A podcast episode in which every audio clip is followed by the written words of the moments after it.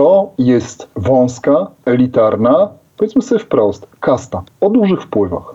I dlatego dzieje się tak, jak się dzieje. Nazywam się Agata Kowalska. Jestem dziennikarką Okopres i umiem zadawać pytania.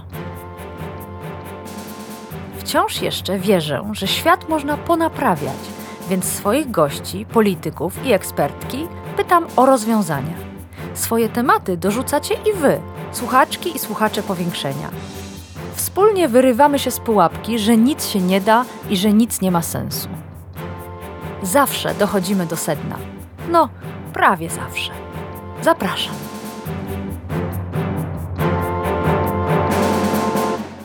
Ginie kolejny człowiek, ginie kolejny wilk. Żołnierz zostaje zastrzelony przez myśliwego strzelającego z samochodu. Wilk zostaje zastrzelony przez myśliwego w Magurskim Parku Narodowym. Kary są śmieszne, albo ich nie ma, i tak od lat. Myśliwi wydają się chronioną kastą, protegowanymi ministrów środowiska, nie tylko Jana Szyszki, protegowanymi sędziów i posłów. Sami siebie też chronią, ukrywając dowody przestępstw albo ich nie zgłaszając. Wydaje się, że ich bezkarność i wpływowość są wpisane w system, bo od lat nie udaje się zaostrzyć przepisów dotyczących polowań, pijaństwa, kłusownictwa, zabijania psów na wsiach, strzelania gdzie się chce i kiedy się chce. Badania lekarskie to mrzonka.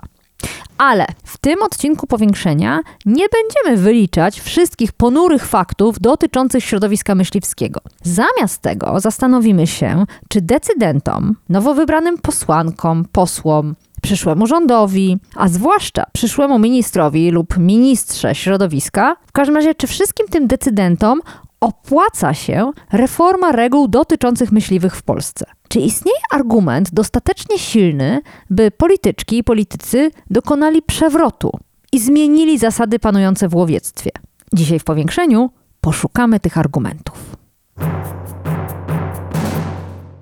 A na poszukiwania ruszamy z Jakubem Metkiem, dziennikarzem Radia Tok FM, specjalizującym się w tematyce przyrodniczej, a zwłaszcza w meandrach logiki myśliwych i lasów państwowych. Witaj Jakubie. Dzień dobry Agato, dzień dobry Państwu. Powiem Ci, że napisałam na Twitterze, przygotowując się do naszej rozmowy, tweet, który częściowo miał być prowokujący, ale może się z nim zgodzisz. Napisałam tak: Zawsze się zdumiewamy, albo nawet drwimy z niemocy Stanów Zjednoczonych w ukróceniu dostępu do broni. Ale wydaje mi się, że podobna niemoc panuje w Polsce wobec myśliwych. Giną ludzie, zabijane są chronione zwierzęta, na polowaniach panuje pijaństwo i nic. Polski Związek Łowiecki, niczym amerykańska National Rifle Association, śmieje się nam w twarz. A wcześniej wyliczyłam kilka grup, które moim zdaniem chronią myśliwych: ministrów, posłów, sędziów. Czy przesadzam? Czy może zgodziłbyś się z aż tak ponurym obrazem sytuacji? Zgodziłbym się.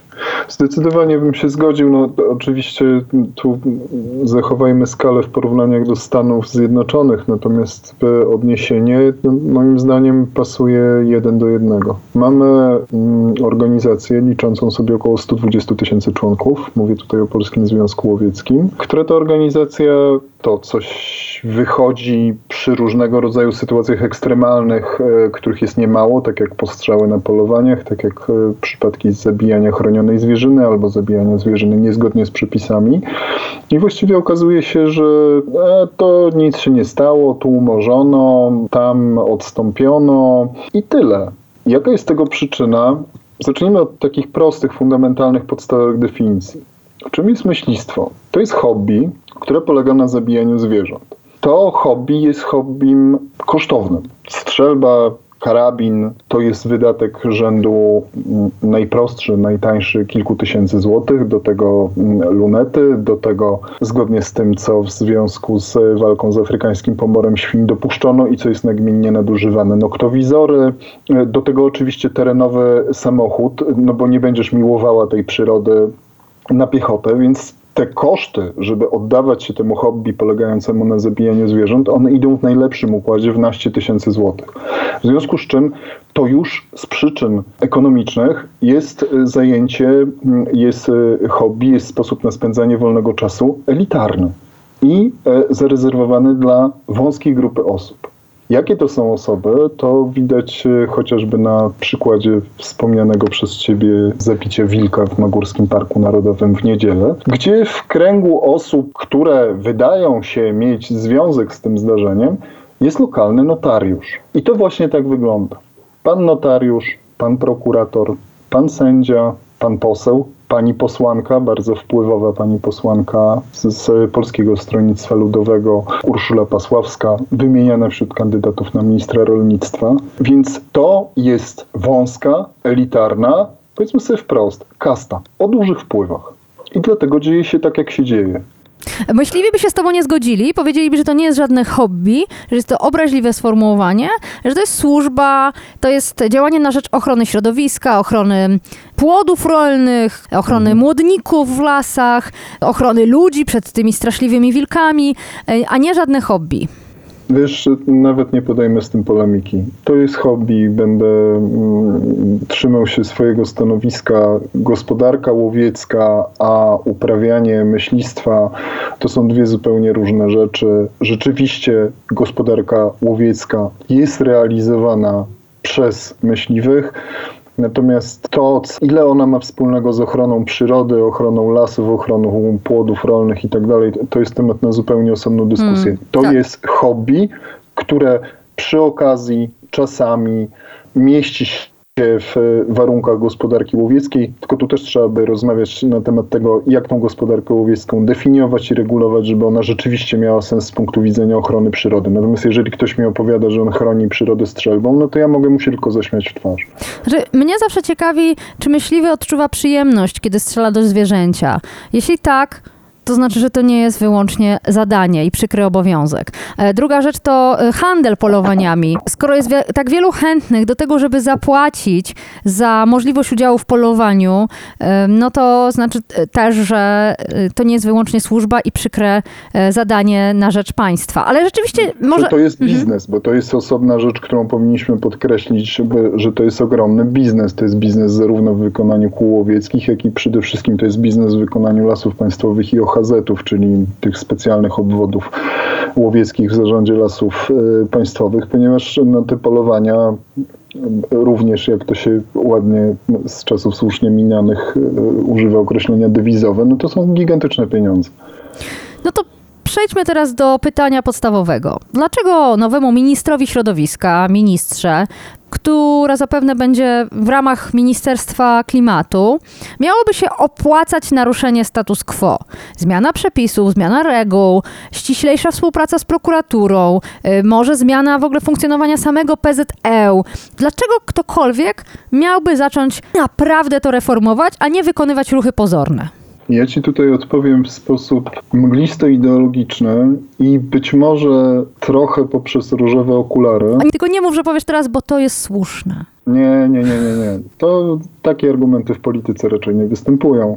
To, co się przez te wszystkie lata wokół PZU nawarstwiło, zaczyna być dużym wizerunkowym obciążeniem, co wynika z tego, że zasadniczo zmienia się świadomość społeczna. Zobacz, że jeszcze w wyborach 4 lata temu postulaty dotyczące szeroko pojętej ochrony przyrody to jakieś tam oszołomy zielone, nie?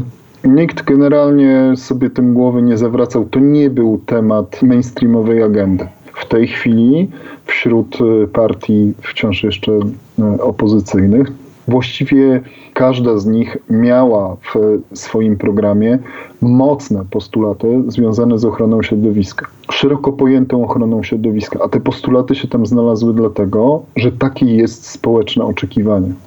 Znaczy, to przestaje być oczekiwanie tego, że możemy pójść do lasu zawsze i na przykład nie wypędzi nas stamtąd pan z kapelutkiem, bo wiecie, rozumiecie, ja tu teraz strzelam wypad, jak to miało miejsce wielokrotnie w ostatnich latach, szczególnie po zaostrzeniu przepisów z inicjatywy Szyszki, tych przepisów dotyczących, czy pomysłów dotyczących penalizacji zakłócania polowań e, i tak dalej, to ludzi zaczyna wkurzać, denerwować. Dlatego mi się wydaje, że jeśli jest jakaś szansa na zmianę, a nie wiem, czy do niej dojdzie, ale myślę, że teraz jest jakaś szansa na zmianę, dlatego że takie jest oczekiwanie społeczne. No, jeśli chodzi o to wypędzanie, to wypędzanie wypędzaniem. Gorzej, jeśli boimy się iść do lasu. Ja na przykład na Podkarpaciu mam taką metodę, że jak wiem, że zbliżam się do ambony, to zaczynam głośno mówić, bo boję się, że któryś myśliwy, e, lekko wczorajszy, zobaczy, że coś się rusza na jego terenie łowieckim i po prostu mnie postrzeli, albo mojego psa. Takie same historie opowiadają tam moi podkarpaccy sąsiedzi. Straszeni na przykład, że y, jeśli będą z psami chodzić na spacery do lasu, to mm, mogą się z tymi psami pożegnać. Więc rzeczywiście to się dzieje. Pytanie, na ile ta zmiana w świadomości społecznej przekłada się, czy ma szansę się przełożyć na politykę? Dlatego, że mamy kilka bardzo ważnych tematów w Polsce, w których opinia publiczna już dawno przekroczyła Rubiko, natomiast politycy tkwią na barykadach starego porządku. Dlaczego akurat w tym przypadku PZL, zasad łowieckich, myśliwych miałoby się coś zmienić? Zamiast ministrem może zajmijmy się też posłami i posłankami. Sam wymieniałeś mm, Urszulę Pasławską, innych, którzy są myśliwymi. Ktoś policzył, że w poprzednim Sejmie 13% posłów i posłanek to byli myśliwi. Nie wiem jeszcze jak jest w tym Sejmie. No to jest dużo. To jest moim zdaniem dużo jak na elitarne hobby. Więc pytanie, dlaczego... Które uprawia 120 tysięcy osób, więc tak. procentowo, jeżeli przeliczymy to na populację kraju czy na wyborców, no to jest to, to są promile. To jest najlepiej reprezentowana grupa hobbystyczna w Polsce. No tak, dobrze. Taka teza się często po, powtarza i moim zdaniem ona jest uzasadniona, Mhm. że jeżeli chodzi o hobbystów, to no, żadna grupa hobbystów nie ma tak silnej e, i tak nieadekwatnej do swojej liczebności swoich potrzeb reprezentacji. Natomiast, wiesz co, oczywiście, było w Sejmie i jest w tym Sejmie szereg posłów, e, których można skojarzyć z tym środowiskiem, którzy otwarcie występowali w imieniu tego środowiska. Często występowali w jego imieniu ponad e, podziałami partyjnymi. Widzę kwestia badań e, lekarskich, które w końcu myśliwi mieli okresowo przechodzić, a rzutem na taśmę bodajże w ubiegłym roku PiS się z tego wycofał przy poparciu części PSL-u. No to nie jest tak, że tylko PiS to zrobił. E, I myślę, że to jest taka rzecz najpilniejsza do w tych sprawach związanych z łowiectwem do naprawienia, to znaczy postawienie tego z głowy na nogi. Nie widzę powodu, dla którego myśliwi, szczególnie, że średnia wieku myśliwych jest dość wysoka, nie mieli jako osoby użytkujące broń e, przechodzić e, okresowych badań. Przecież to jest oczywiste, że wzrok się psuje, że cukrzyca, że kondycja, że spadają możliwości intelektualne. Nie ma żadnego powodu, żeby myśliwy nie musiał, tak jak większość innych użytkowników broni, przechodzić takich badań okresowych. Natomiast będę się konsekwentnie upierał przy tym, że w tej chwili klimat społeczny jest taki, że tych 13% posłów y, w minionej kadencji może jednak okazać się finalnie za dużym obciążeniem dla liderów partii. Lobby mają różne siły i różne są koszty zadzierania z nimi. Wydaje mi się, że finalnie może dojść do takiej kalkulacji wśród y, większości rządzącej, że stracenie poparcia ze strony kasty myśliwych jest zdecydowanie mniej kosztowne niż na przykład stracenie poparcia ze strony kościoła, a że trzeba będzie wykonać jakieś ruchy, żeby zadowolić tą część elektoratu, która chce zmian, no to prościej jest się decydować na te zmiany, które są mniej kosztowne, czyli wyrzucić za burtę myśliwych i jakby no na tym opiera się moja nadzieja. No równocześnie to brzmi źle, bo jakby ja nie bardzo wierzę w e, jakieś poważniejsze zmiany w kwestiach dotyczących praw człowieka. Natomiast wydaje mi się, że ponieważ trzeba będzie temu liberalnemu wyborcy, mówiąc brutalnie, rzucić coś na żer, to znacznie prościej będzie mu rzucić na żer myśliwych. Ale kiedy mówisz o rzucaniu na żer, to masz na myśli zakaz myślistwa w Polsce, czy jakieś inne sensy? Nie, nie, to jest, ja rozumiem, że często są przywoływane przez organizacje na przykład antymyśliwskie, przykład bodajże Ekwadoru. Jako, że zajmuję się w różnej formie przyrodą, e, ochroną przyrody, środowiskiem naturalnym przez całe swoje życie zawodowe, czyli to już e, jest 30 lat e, prawie, Mm, Mam świadomość tego, że współcześnie w kraju o tak mocno przetworzonej, przekształconej przez człowieka, w tak mocno przekształconym przez człowieka środowisku naturalnym, gospodarka łowiecka jest niezbędna. Znaczy, y, to się samo nie wyreguluje, tak? Natomiast czy to hobby jest niezbędne? Nie wiem, no w świecie idealnym, w moim świecie idealnym, oczywiście, że ja bym zakazał myślistwa i te zadania zlecił na przykład łowczym na poziomie, dajmy temu nadleśnictw, tak? No to, to jest świat idealny, nie jestem e, naiwny, Mm, nie postulowałbym i nie wierzę absolutnie w e, zakazywanie łowiectwa. Natomiast w jakieś ucywilizowanie go, zakończenie e, szeregu barbarzyńskich praktyk, jakimi są na przykład polowania na ptaki, to jest absolutne kuriozum. Znaczy nie służy to mm, niczemu, a powoduje całe mnóstwo problemów, wprowadzanie gigantycznych ilości ołowiu do środowiska, ale przede wszystkim to giną przy tej okazji ogromne ilości gatunków chronionych, bo myśliwi, którzy miłują tą przyrodę, mają oni stosunkowo niewielkie pojęcie, e, a jak się strzela śrutem, którego leci chmura o, o średnicy kilku metrów w stado lecących ptaków, no to wiesz, myśliwy strzela, pan Bóg kulę nosi, tak? Tak, a ptaki o dziwo nie latają e, wyłącznie monogatunkowo. Tak, i nie to... latają monogatunkowo i potem masz takie zdjęcia na forach i to się powtarza właściwie co roku w czasie jesiennych polowań, że tu jakiś jeden idiota z drugim się chwali po prostu czymś z czerwonej listy. No bo leciało, zastrzelił, fajnie, kolorowo. Rusza się, to strzelam. To jest właśnie najbardziej chyba przerażające w tym myślistwie. Stąd postrzelony student w sadzie, postrzelony żołnierz i e, mnóstwo ja innych... Ja tylko przypominam, że tutaj znów mamy przepisy. Mamy przepisy. Takie sytuacje są sytuacjami ewidentnie wbrew przepisom i one powinny jednoznacznie skutkować na przykład dożywotnim zakazem czy odebraniem broni i tak dalej. Jest jedna z podstawowych zasad, skodyfikowanych zasad w myślistwie, to jest nie strzelamy do nierozpoznanego celu. Ktoś mi mówi, że z samochodu strzelił do żołnierza na pasie taktycznym, no to albo on ma problem ze wzrokiem i wymaga okresowych badań lekarskich, skoro ten żołnierz mu przypominał dzika, albo albo strzelał na ruch. A zwykle się strzela na ruch, bo zwykle w lesie widzisz ruch. A to jest zakazane. To jest zakazane. To jest zakazane i mm, już na wstępie wystarczyłoby, żeby zacząć to z całą stanowczością państwa egzekwować.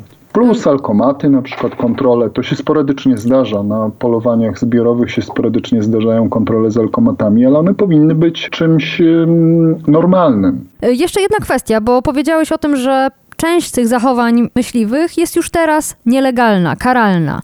Ale z karami jest problem. Przyjrzałam się liście prowadzonej stale przez taką lubelską grupę antyłowiecką, gdzie oni e, umieszczają dane ofiar myśliwych, często też e, okoliczności, w których została zastrzelona ta czy inna osoba oraz jeśli są, to karę, karę jaką nałożył sąd na takiego myśliwego. I to są szokujące informacje. E, zwykle zapada kara więzienia w zawiasach. Za zastrzelenie wilków są grzywny. Dlaczego sądy są tak łagodne wobec myśliwych? I jak to no zmienić? Bo tego już nie zmienimy poprzez y, posłów i posłanki czy ministrę środowiska. No tu wracamy do tego, o czym mówiłem na początku, do tej kastowości. No to niestety są bardzo często, szczególnie lokalnie na poziomie sądów e, rejonowych, niewielkich mm, społeczności na poziomie powiatów. To są wszystko koła wzajemnej adoracji, tak? To jest, z tym idziemy na wódeczkę, tam, tam utrzymaliśmy dziecko na chrzcinach, z tym jesteśmy w kole łowieckim. A jeżeli nawet nie my jesteśmy w kole łowieckim, to akurat y, ktoś tam, kto orzeka, jest y, kolegą kolegi, więc y, to się da załatwić. No, taka jest brutalna prawda. Druga sprawa, to jest ogólnie, e, mieliśmy przez ostatnich 8 lat i słusznie, i zasadnie wielkie pospolite ruszenie w obronie mm, wolności wymiaru sprawiedliwości. Natomiast to e, zupełnie nie zmienia faktu, że ten nasz wymiar sprawiedliwości w bardzo wielu kwestiach dotyczących nie tylko e, działań powodujących szkody w środowisku naturalnym nie działa dobrze. I to orzecznictwo jest fatalne. Nie ma jakiejś świadomości skutków spraw, w których sędziowie orzekają. To nie dotyczy tylko polowań, to dotyczy również na przykład wypadków samochodowych, dotyczy to również orzekania czy, czy, łatwości w podejmowaniu, w zatwierdzaniu prokuratorskich wniosków o areszty tymczasowe, czy o detencję osób składających wnioski o ochronę międzynarodową to jest na pracę u podstaw, na szkolenia, na uwrażliwiania, na takie rzeczy miękkie z jednej strony, a z drugiej strony to jest na kodeks karny. Tylko mm, no, ja zawsze z dużą rezerwą podchodzę do pomysłów y, gmerania Tak, tak, tak. w y, kodeksie Tak. karnym i podchodzę z dużą rezerwą do pomysłów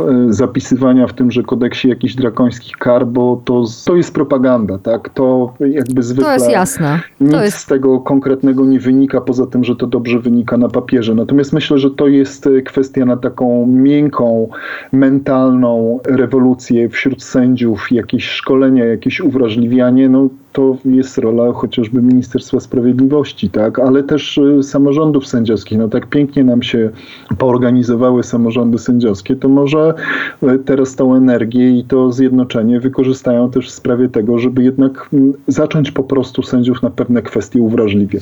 Oby tylko te szkolenia nie odbywały się w którymś z domków myśliwskich wraz z em, elementem integracji na Tak, i polowaniu. nie były prowadzone przez specjalistę wydelegowanego przez Polski Związek Łowiecki.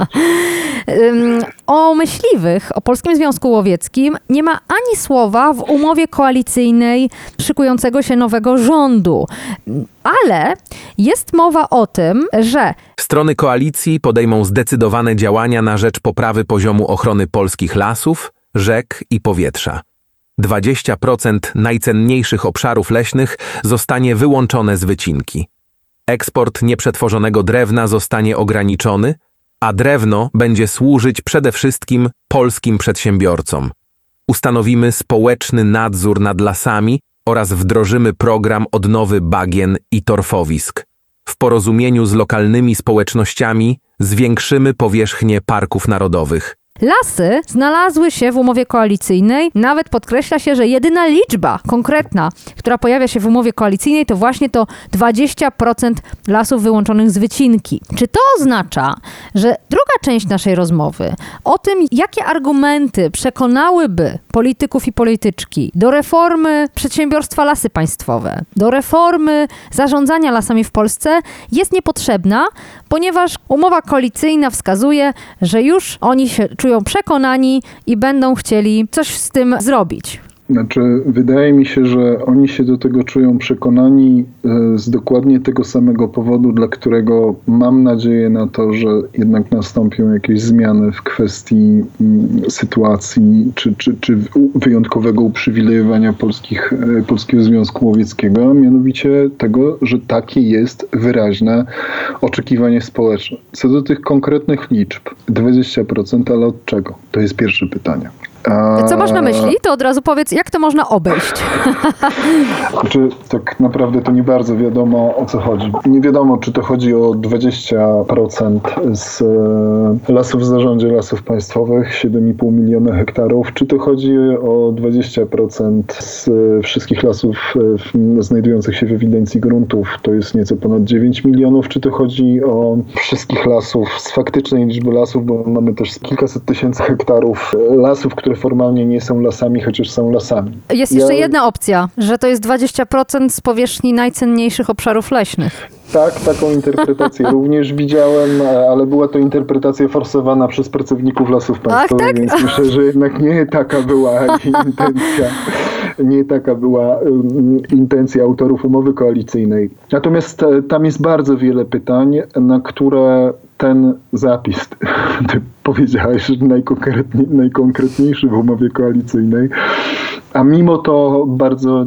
niekonkretny, więc tam jest dużo bardzo wątpliwości.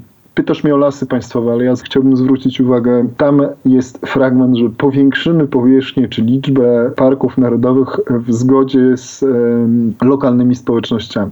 To oznacza wprost, że nie zmienimy obecnej ustawy, która daje samorządom prawo weta w kwestii tworzenia nowych parków narodowych i w efekcie której, od wprowadzenia której nie powstał w Polsce ani jeden park narodowy. Ja wiem, zaraz mnie ktoś zacznie łapać ze słówka, że Warciański Park Narodowy został powołany chwilę po wejściu w życie tych przepisów, ale decyzje w tej sprawie zapadły jeszcze wcześniej. Tak. tak naprawdę obecny stan prawny wyklucza powoływanie nowych parków narodowych, a przypomnę tutaj, że parkami narodowymi chronimy 1% powierzchni Polski. Dla porównania we Francji to jest bodajże 9%. Generalnie jesteśmy kilka razy poniżej unijnej średniej. I jeżeli nie zmienimy przepisów, a z tego zapisu w umowie koalicyjnej wynika, że nikt takiego zamiaru nie ma, to nic się w tej materii nie zmieni, ile by ludziom nie obiecywać. I to nie jest dobry prognostyk dla realizacji całego tego punktu, czyli tych 20%. Tutaj jest mowa o porozumieniu z lokalnymi społecznościami. Można mieć nadzieję, że zamiast prawa weta gminom, samorządom lokalnym zostanie przyznane prawo do konsultacji, pokazywania jakie są zalety i wady wprowadzenia parków narodowych. Trudny temat, mocno w Polsce nieprzegadany, właśnie między innymi dlatego, że powstawanie parków było absolutnie y, zablokowane. Znaczy, ja, ja cię przeproszę, ja jedną rzecz chciałem tutaj wtrącić, bo chciałbym, żeby to bardzo mocno wybrzmiało, bo ludzie sobie z tego bardzo często nie zdają sprawy. Samorządy nie mają prawa weta w przypadku lokalizowania strategicznych inwestycji liniowych. Nie mają prawa weta w przypadku budowy drogi ekspresowej, linii kolejowej, linii przesyłowych, rurociągu, lotniska. Natomiast mają prawo weta w kwestiach, która z punktu widzenia państwa jest równie strategiczna, w kwestiach ochrony najwyższej formy ochrony przyrody w, w polskim systemie prawnym, czyli Parku Narodowego. Ja widzę tutaj jednoznaczną, zdecydowaną niekonsekwencję. Dlaczego samorząd lokalny ma decydować o przedsięwzięciu, które ma charakter ogólnopaństwowy i ma znaczenie dla wszystkich obywateli tego kraju? No, zawsze można powiedzieć, że na lotnisku i drodze szybkiego ruchu zarobią wszyscy, e, którzy tam mieszkają, zyskają na tym, bo wedle polskiej opowieści tego typu gigantyczne inwestycje to zysk dla wszystkich, a na parkach narodowych tylko stracą. Ja nie chcę teraz, żebyśmy wchodzili w tę dyskusję, Nie będziemy tylko to wchodzić, odtwarzam... bo to też są konkretne wyliczenia, Tak. które pokazują, że to bzdura, ale to jest inny temat. Pytałaś o coś innego. Tak. Czy jest coś, co powinni wziąć politycy jeszcze pod uwagę, poza zmianą w opinii publicznej, jeśli chodzi o ochronę lasów, a przede wszystkim reformę lasów państwowych, to znaczy zmianę tego układu, bo tego się inaczej chyba nie da nazwać. I podam od razu kilka powodów, dla których im się to nie opłaca. Lasy państwowe same się finansują, są skarbcem dla leśników, układów też lokalnych, ale zarazem dla polityków, czego najbardziej jaskrawe przykłady widzieliśmy w tej kampanii wyborczej ze strony polityków Solidarnej Polski, którzy korzystając z pieniędzy lasów państwowych promowali siebie i A ile im to dało procent? ale jednak robili to i być może w wyborach samorządowych jeszcze będą mogli odcinać od tego kupony. Lasy państwowe wydają się być idealnym, zamkniętym systemem, z których korzysta kto? Ten, kto jest akurat u władzy. Dlaczego więc ten, kto jest u władzy, miałby cokolwiek zmienić? No to przypomnę tutaj e, rządy, okres rządów e, Platformy Obywatelskiej e, poprzedni, czyli lata 2007-2015 e, i starania Donalda Tuska o to, żeby to państwo, e, obywatele i samorządy zaczęły jakoś korzystać e, z tego, co mają lasy państwowe. I to się nieszczególnie mu udało, więc to nie jest tak, że za każdym razem siły polityczne czy rządzące siły polityczne e, korzystają jednoznacznie z tej długiej i prawdziwej, ja się z tym zgadzam, listy dobrodziejstw, którą lasy państwowe przynoszą głównie lasom państwowym i osobom z nimi związanym. To są lasy państwowe. A tymczasem w praktyce to wygląda w ten sposób, że lasy państwowe, które e, przy pomocy polityków prawicy bardzo chętnie krzyczą o zagrożeniu prywatyzacją, tak naprawdę bardzo dawno się już same sprywatyzowały, czy powiedziałbym wprost, uwłaszczyły na państwowym majątku.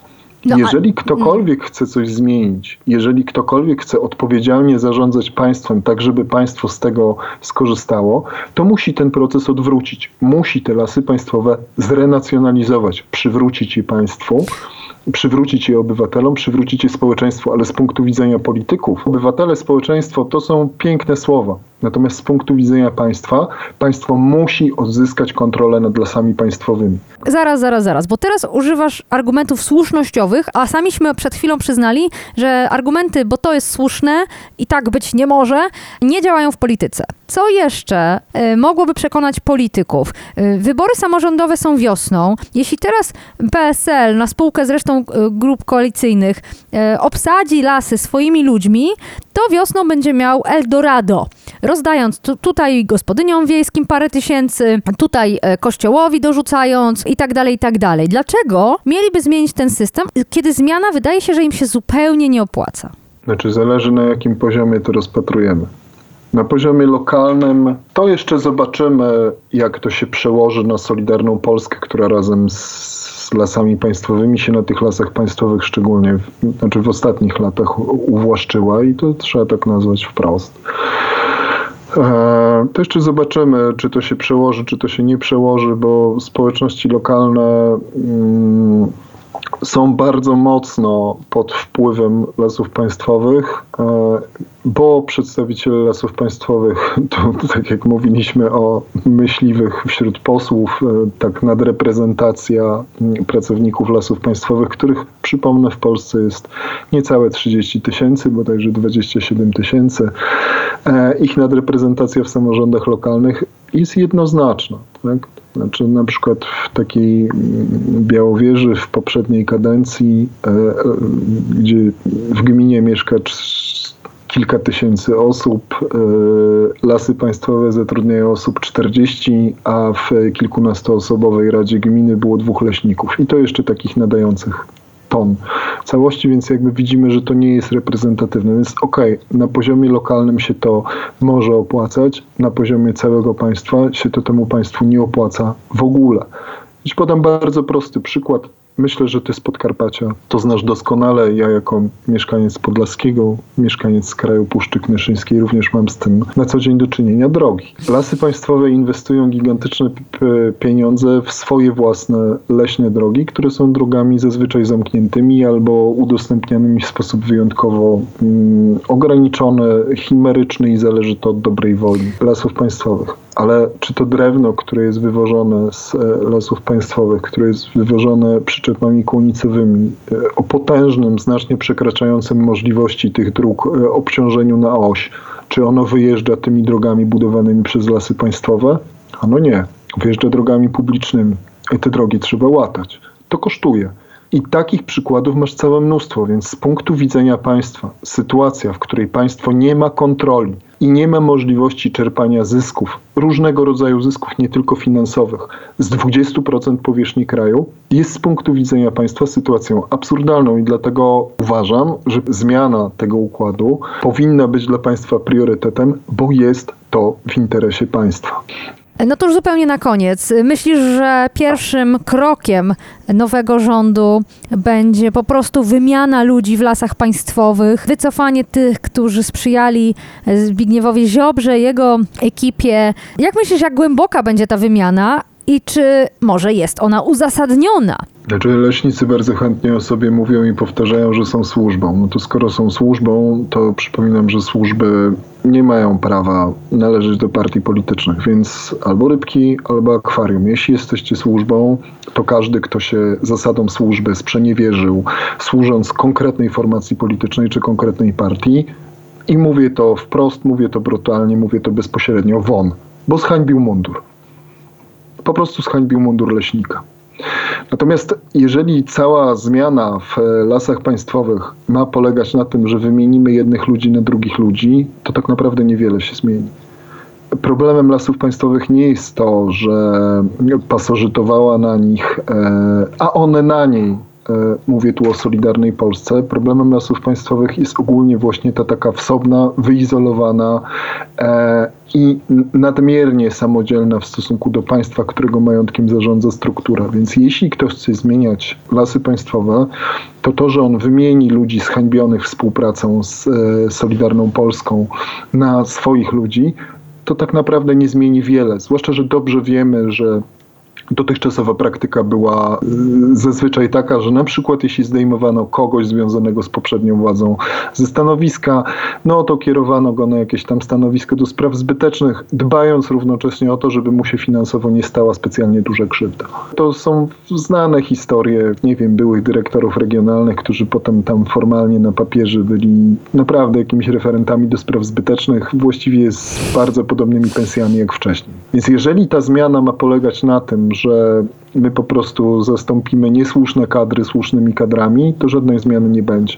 Tutaj ktoś powinien, czy, czy władze powinny usiąść tak naprawdę do stołu z samymi przedstawicielami lasów państwowych tam jest wiele sensownych osób, które mimo tego upodlenia tej służby, do jakiej doprowadziła Solidarna Polska, mimo zeszmacenia jej, mimo pozbycia się stamtąd naprawdę wielu wartościowych ludzi, to tam wciąż są wartościowi, rzetelni ludzie, którzy rozumieją, na czym powinna polegać misja lasów państwowych, więc oni na pewno powinni usiąść przy stole. Przy stole powinni usiąść naukowcy.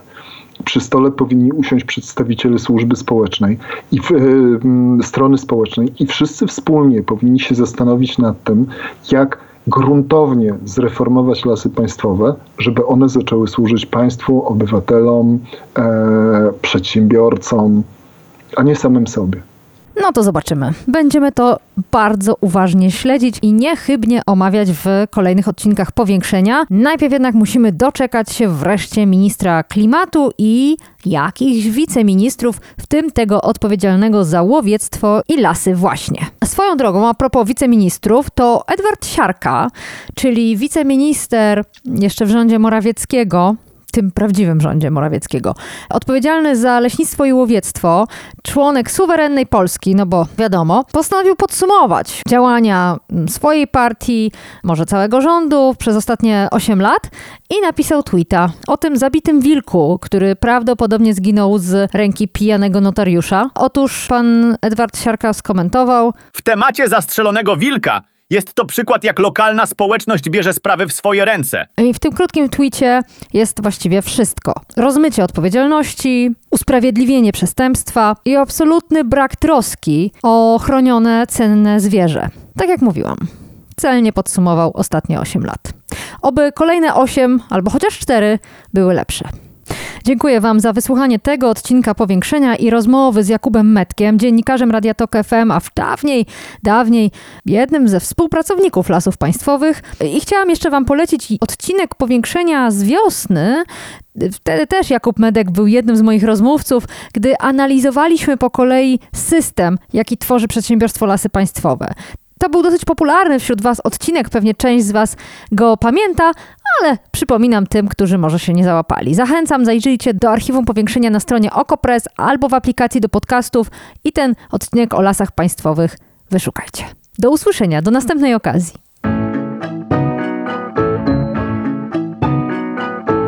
To było Powiększenie, podcast Agaty Kowalskiej. Produkcja Bartosz Weber. Powiększenie znajdziesz na stronie OkoPress i w Twojej ulubionej aplikacji do podcastów. Masz pomysł na temat albo komentarz? Napisz do mnie agata.kowalska małpaoko.press Stałych darczyńców zapraszamy na grupę OkoPress na Facebooku Twoja okolica. Tam też toczymy dyskusje o świecie i o podcaście. Dziękujemy za Wasze wsparcie.